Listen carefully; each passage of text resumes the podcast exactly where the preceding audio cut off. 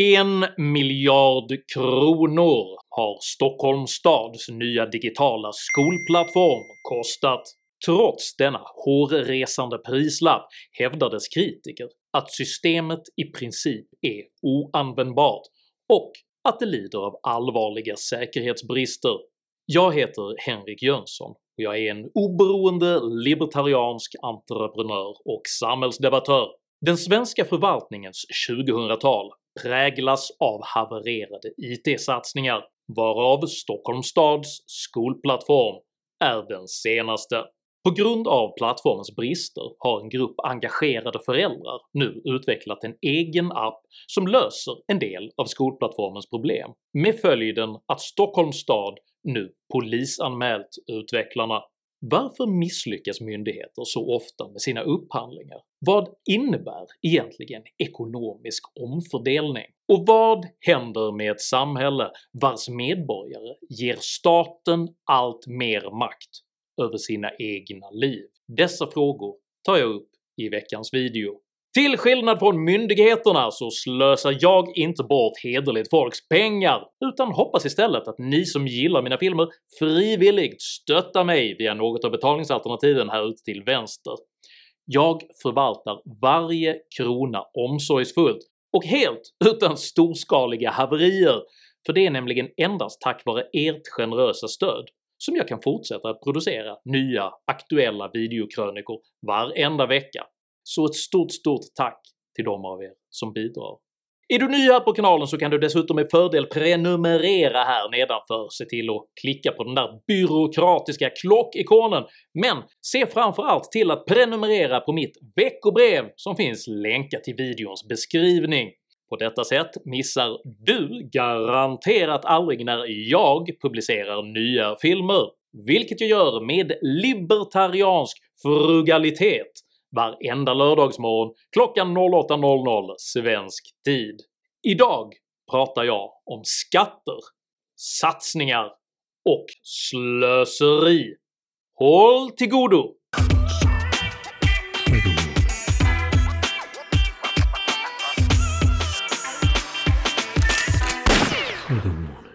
Välstånd skapas genom företagsamhet och mänsklig strävsamhet. Att förstöra välståndet genom slöseri och extravaganser är illojalitet mot mänskligheten. Med dessa storslagna ord uttryckte den amerikanske presidenten Calvin Coolidge i början av 1900-talet sin närmast existentiella kamp mot statligt slöseri. Statsmaktens roll som redistributör av medborgarnas tillgångar vilar på föreställningen att staten skulle vara bättre på att förverkliga det goda samhället än vad dess medborgare är kapabla att göra själva. Som moralisk konsekvens anses detta legitimera statsmaktens behov av att avtvinga folket de pengar den anser sig behöva för att fullfölja detta redistributionsuppdrag. Eftersom medborgarna inte tillåts välja om de vill betala skatt och delta i de statliga omfördelningsprogrammen innebär detta att välfärdsstatens existens ytterst vilar på ett outtalat hot om våld och frihetsberövande. Statsmakten försvarar behovet av detta förtryck genom att hävda att de resurser man tillskansar sig används mer ansvarsfullt och med bättre effekt än vad medborgarna själva hade kunnat göra. Åsikten att förtryck är nödvändigt för allmänhetens bästa är dock inte bara principiellt förkastlig, utan även en bedräglig föreställning eftersom det är mycket svårt för medborgarna att avgöra hur väl staten förvaltar den skatt man avkräver dem. Den franske och klassiskt liberala ekonomen Frédéric Bastiat formulerade det hela elegant i sin skrift “Det man ser och det man inte ser” vars argumentation i korthet framhåller begreppet alternativkostnad. Man ser vad en skattekrona formellt ska användas till, men man ser inte alla de lösningar, arbetstillfällen och innovationer som uteblir på grund av att kronan har tagits från den individ som tjänat in den och istället flyttats över till den statliga förvaltningens byråkrater. Budgetposter med publikfriande ambitioner om stöd utveckling och hjälp kan därför lätt framhållas som exempel på det goda arbete som staten menar sig göra, utan att hänsyn tas till att dessa pengar sannolikt hade kunnat göra mer nytta i den värdeskapande ekonomin än i händerna på byråkrater. För oavsett vilka ädla uppsåt som än må ligga bakom de statliga redistributionsprogrammen så finns det ingenting som tyder på att tjänstemän utan erfarenhet av att generera eget värde är lämpliga för att förvalta de ofta mycket stora resurser som man kräver in från sina medborgare. Den nobelprislönte nationalekonomen Milton Friedman uttryckte detta genom devisen “Det är väldigt svårt att göra bra saker med andra människors pengar. Jag kommer i denna video att presentera en lång rad exempel på hur den svenska staten och dess myndigheter löpande orsakar extremt stor kapitalförstöring, samtidigt som man alltid anser sig behöva höja skatten ytterligare.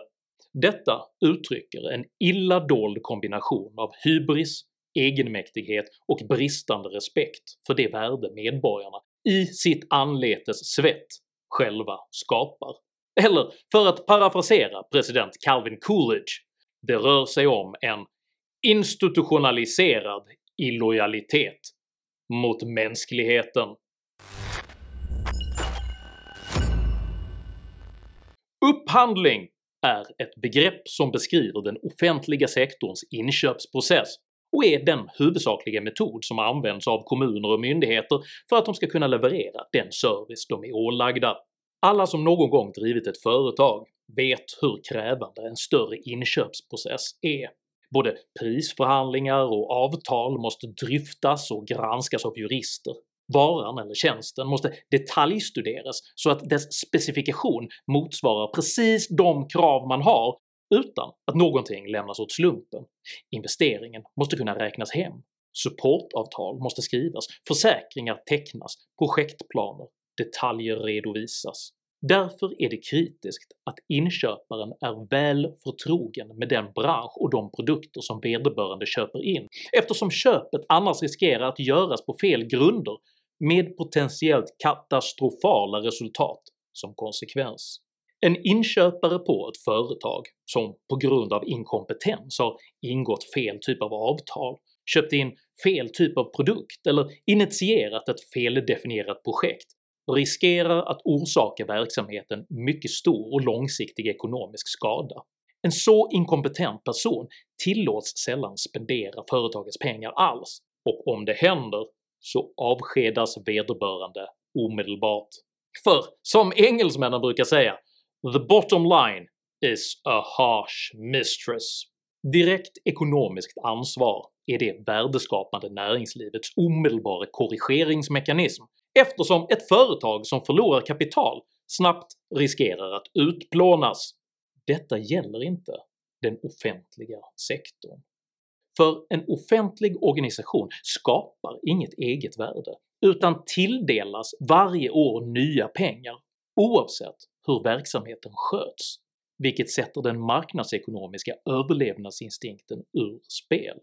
Konkret innebär detta att individer som genom direkt eller indirekt inkompetens medverkar till att skapa mycket stora förluster, misslyckade upphandlingar och havererade projekt inte hålls ekonomiskt ansvariga utan obehindrat kan fortsätta att upprepa denna typ av misstag.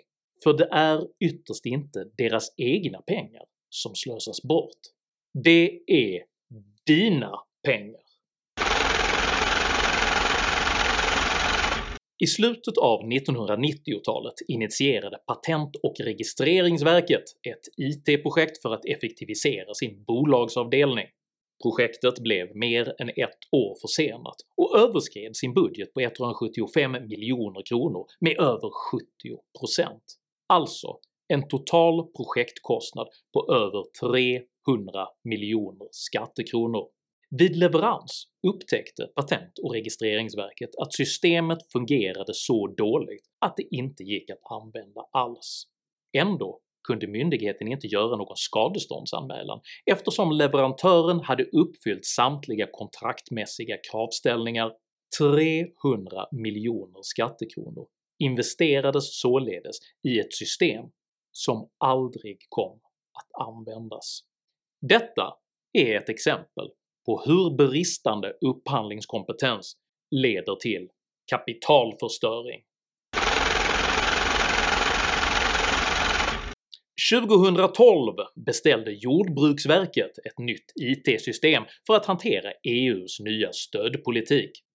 Initialt beräknades kostnaden för systemet uppgå till 260 miljoner kronor men den skenade snabbt till över 400 miljoner kronor. De delar av systemet man lyckades implementera kommenterades så här av Magnus Ekelund, enhetschef för jordbruksstöd på Länsstyrelsen i Örebro. “Vi är tvungna att registrera om uppgifter många gånger för att data försvinner ur systemet. Jag hade trott och hoppats på att det skulle kunna fungera smidigare och bättre. Detta i ett projekt som alltså överskridit sin budget med mer än 65% till totalt 400 miljoner skattekronor. Anders Egonsson, chef för Jordbruksverkets utbetalningsfunktion, kommenterade projektet med följande ord “Visst, vi har inte lyckats fullt ut. Detta är ett exempel på hur bristande upphandlingskompetens leder till kapitalförstöring. 2013 ansåg Arbetsförmedlingens ledning att myndighetens låga förtroendesiffror berodde på att man hade en föråldrad webbsida. På grund av detta initierades ett webbprojekt som successivt skulle ersätta Arbetsförmedlingens gamla hemsida. Tre år och 100 miljoner skattekronor senare meddelade arbetsförmedlingen dock att man inte klarade att lansera någon ny webbsida alls, detta med motiveringen att man underskattat de tekniska utmaningarna, vilket av arbetsförmedlingens dåvarande chef Erik Sandström kommenterades med orden. “Det är såklart beklagligt”. Detta är ett exempel på hur bristande upphandlingskompetens leder till kapitalförstöring. 2014 beslutade Polismyndigheten att avbryta utvecklingen av det nya utredningsverktyget PustSibel efter att man under många år investerat över 300 miljoner skattekronor i plattformen. PustSibel fungerade så illa att somliga ärenden kunde ta flera timmar att registrera och nedläggningsbeslutet mottogs bland poliserna med jubel. Polismyndigheten ansträngde sig även för att dölja kostnaderna för den misslyckade satsningen genom att bryta upp olika delar av projektet över olika budgetposteringar och avskrivningar.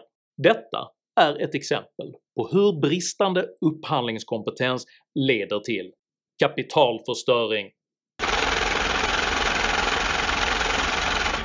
2014 delgavs också den så kallade E-hälsomyndigheten uppdraget att skapa ett IT-system för att hantera medborgarnas hälsodata.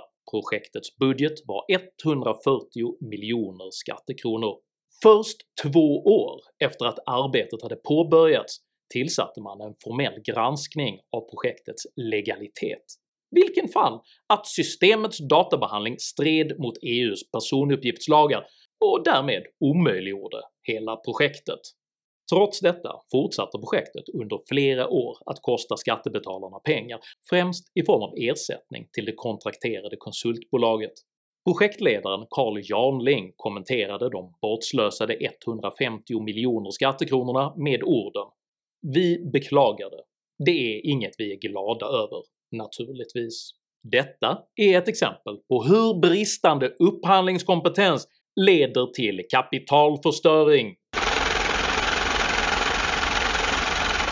2016 satsade Försäkringskassan 186 miljoner skattekronor på ett nytt datasystem för hantering av assistansersättning. Vid projektets slut konstaterade Sture Hjalmarsson, chef för Försäkringskassans ekonomistab att “Vi har lagt 186 miljoner kronor på det här utvecklingsprojektet, men produktutvärderingen visar att delar av projektet inte kan användas. För 5-6 år sedan hade vi ett projekt kring gemensam kundbild som misslyckades. Där fick vi skriva av 200 miljoner kronor. I det här sammanhanget är det faktiskt, relativt sett, inte så stora pengar.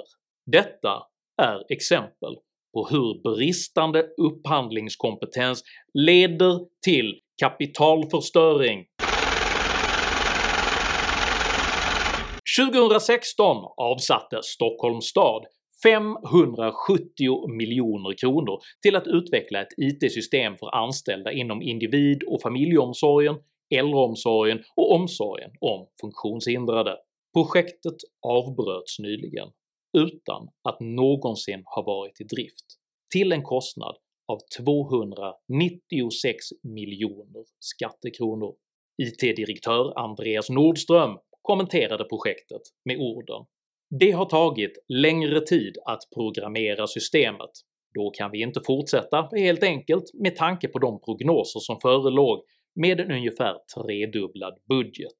Detta är ett exempel på hur bristande upphandlingskompetens leder till kapitalförstöring. Redan 2012 inleddes förberedelserna för Stockholms stads så kallade skolplattform, ett harmoniserande IT-system för utbildningsväsendet, vilket beräknas ha kostat en hårresande miljard skattekronor att utveckla. Direkt efter skolplattformens lansering inkom klagomål från både elever och föräldrar. Det gick inte att sjuk och frånvaroanmäla barnen, lärarna kunde inte nå ut med information och dokument försvann spårlöst. Detta gjorde att de tilltänkta användarna snabbt började undvika plattformen i den mån det var möjligt. I dagsläget finns det till exempel ingenstans där vi lärare kan skriva ut klasslistor över våra elever. Det är ett helt basalt behov man har som lärare, hälsar en pedagog på Östra Real. En elevförälder beskriver sin upplevelse med följande ord “Skolplattformen är så fruktansvärt genomusel. Jag saknar ord för den frustration som den utsätter oss föräldrar för.” En annan användare låter hälsa “Det sämsta system jag sett, och jag har sett en hel del usla system.” Snart uppdagades även kritiska säkerhetsbrister i systemet, genom vilka bland annat skyddade personuppgifter gick att hämta ur skolplattformens system genom en helt vanlig webbläsare. Som konsekvens kopplades Datainspektionen in, med resultatet att utbildningsförvaltningen bötfälldes till en nota av 4 miljoner kronor för att man tillåtit osäker hantering av känsliga personuppgifter. En extern revision av skolplattformen beskrev sedermera projektet med följande ord Projektet har tappat greppet om vilka krav som upphandlats, vilka som tillkommit, vilka som godkänts samt vilka beslut som fattats, och av vem. Lena Holmdahl, Stockholms stads utbildningsdirektör sedan 2017, konstaterar att skolplattformen borde ha testats mer innan systemet lanserades.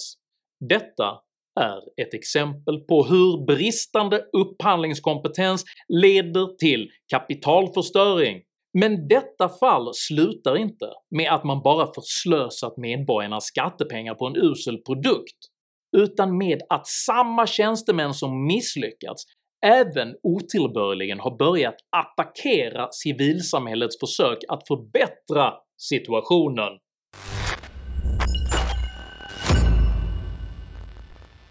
Den öppna skolplattformen är ett medborgarinitiativ genom vilket programmeringskunniga föräldrar har konstruerat ett mer lättanvänt användargränssnitt för att presentera skolplattformens innehåll. På fem veckor konstruerade tre kompetenta programmerare en egen mobilapp som genom att hämta in data från skolplattformens API kunde presentera relevant information på ett mer användarvänligt vis, vilket möts av mycket positiva reaktioner från de föräldrar som börjat använda appen. Stockholms stad uppskattar dock inte detta initiativ och man ber först utvecklarna att stänga ner sin applikation, sedan försöker man förhindra appen från att läsa skolplattformens data och slutligen polisanmäler man utvecklarna för dataintrång.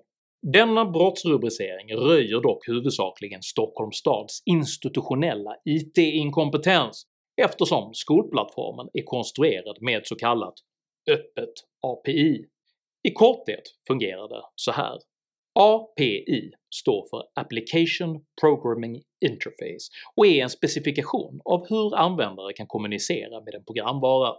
Förenklat kan man säga att när en användare besöker en modern webbsida läser sidan först in en layout eller ett ramverk som sedan dynamiskt fylls med information genom API-anrop. Ett öppet API innebär att olika plattformar kan läsa in data som sedan presenteras på olika sätt. De flesta har till exempel säkert sett webbsidor där Googles kartor är integrerade på olika sätt. Detta sker genom anrop till Googles öppna API'er. Man skulle kunna jämföra det hela med ett fysiskt bibliotek.